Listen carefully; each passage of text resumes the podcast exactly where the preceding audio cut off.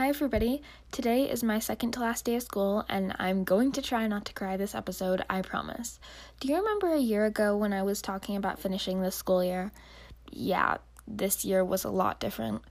Last year, I made it through something like seven months of normal life before you know what.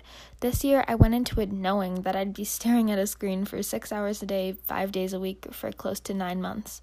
Yes, I know that math doesn't line up. We had an extra long summer last year, so remote school Last year, you could barely call it that. It was more of an extended summer. I know most of you are in either hybrid or full time in person school, so you might not know much about remote school except for what happened in spring 2020. Pondfield had pretty much no actual school. Our teachers assigned us some online games, and we got a few worksheets. So I was shocked when September 17th rolled around and I realized how seriously the school was taking those of us who opted for remote school. They really pulled it together, and though it wasn't easy, sometimes remote school was fun. You know, FaceTiming with your friends during math, watching Netflix in homeroom. I can't wait to go back to the school building, but I'm glad I got to do remote school this year. And here's where I segue into the mystery part of this episode.